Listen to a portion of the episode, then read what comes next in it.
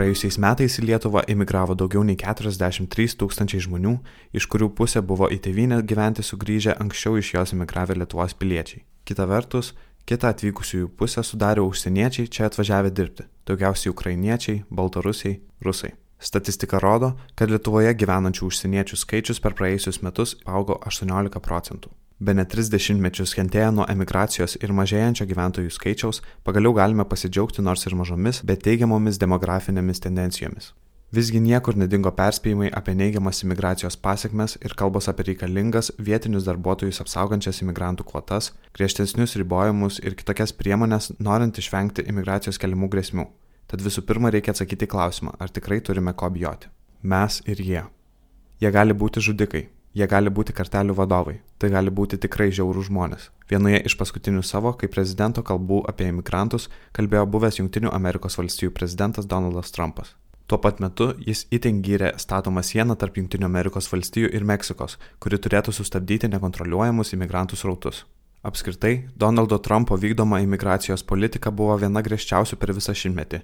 Ja lydėjo deportacijos, nelegalių imigrantų persekiojimas ir naujos imigracijos reguliacijos.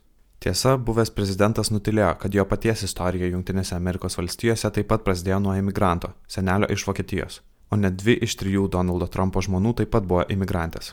Migracija yra pakankamai svarbi tema daugelie pasaulio valstybių, nuo Junktinio Amerikos valstijų iki ES.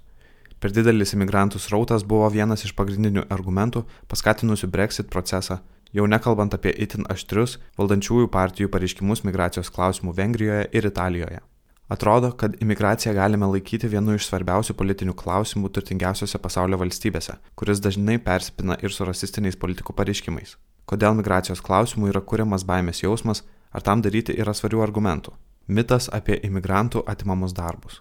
Vienas iš dažniausiai minimų argumentų prieš atvykėlius iš kitų šalių yra tai, kad jie atima vietinių žmonių darbus, prisideda prie algų kritimo arba bent jau stabdo algų augimą. Tai labai gajus mitas, besitaikantis į vietos gyventojų saugumo jausmą. Tokius pareiškimus neretai galime išgirsti tiek Lietuvoje, tiek ir kitose pasaulio šalise ir ne tik iš politikų, bet net ir kai kurių ekonomistų ar profesinių sąjungų atstovų. Tokio naratyvo argumentai yra aiškus. Tradicinis ekonomikos modelis nurodo, kad esant didesniai paklausai, šiuo atveju darbuotojų, jų konkurencija išauga. Dėl to turime daugiau asmenų besivaržančių dėl tų pačių darbo vietų vietiniams gyventojams susirasti darbą tampa sudėtingiau, o darbdaviai tokią situaciją naudojasi mažindami atlyginimus. Tačiau, kad ir kaip ši teorija iš pažiūros skambėtų natūraliai, vis dėlto ji neveikia, kai kalbame apie imigraciją. Visų pirma, imigrantai ne tik didina darbuotojų skaičių šalyje, bet taip pat kelia ir darbuotojų poreikį. Būtų naivu tikėtis, kad į Lietuvą atvykę gyventojai tik dirba. Šie žmonės, kaip ir vietiniai, taip pat moka mokesčius ir leidžia uždirbtus pinigus, eina į parduotuvę apsipirkti, į kavinę pavalgyti ar į kirpyklą apsikirpti. Taigi, išaugę žmonių skaičius ir jų poreikiai lygiai grečiai kuria daugiau darbo vietų ir kelia vartojimą. Antra, imigrantai dažniausiai netampa vietinių darbuotojų konkurentais, o atvirkščiai, jie užpildo tas darbo vietas, kurių vietiniai paprastai nenori ir tos darbo vietos apskritai liktų laisvos. Prisiminkime pirmojo karantino pavyzdį, kai buvo organizuojami tiesioginiai skrydžiai su rumūnų darbininkais į Junktinę karalystę, kadangi šioje šalyje iš vietinių gyventojų neatsirado norinčių dirbti žemės ūkio sektoriuje. Panašias tendencijas matome ir Lietuvoje, kai statybų ar transporto sektoriai nuolatos susiduria su darbuotojų trūkumu, nes Lietuvoje atsiranda vis mažiau asmenų, kurie norėtų dirbti tokį darbą. Toks procesas vietiniams gyventojams turi daug daugiau naudos nei žalos. Įmonės gali plėsti, optimizuoti savo veiklą ir išvengti kainų augimo. Nematomi imigracijos pliusai.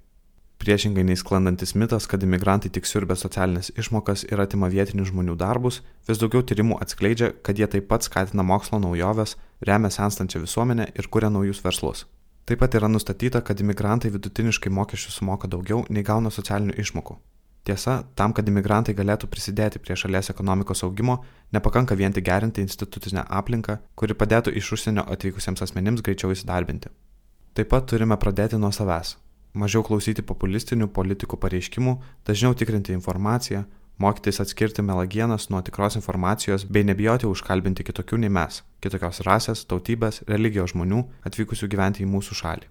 Nors užsieniečių skaičius Lietuvoje per metus išaugo penktadaliu, jis vis dar sudaro vos 3 procentus nuo visų Lietuvos piliečių skaičiaus.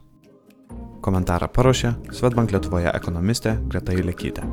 Įgarsino Kristijonas Vaičiukauskas.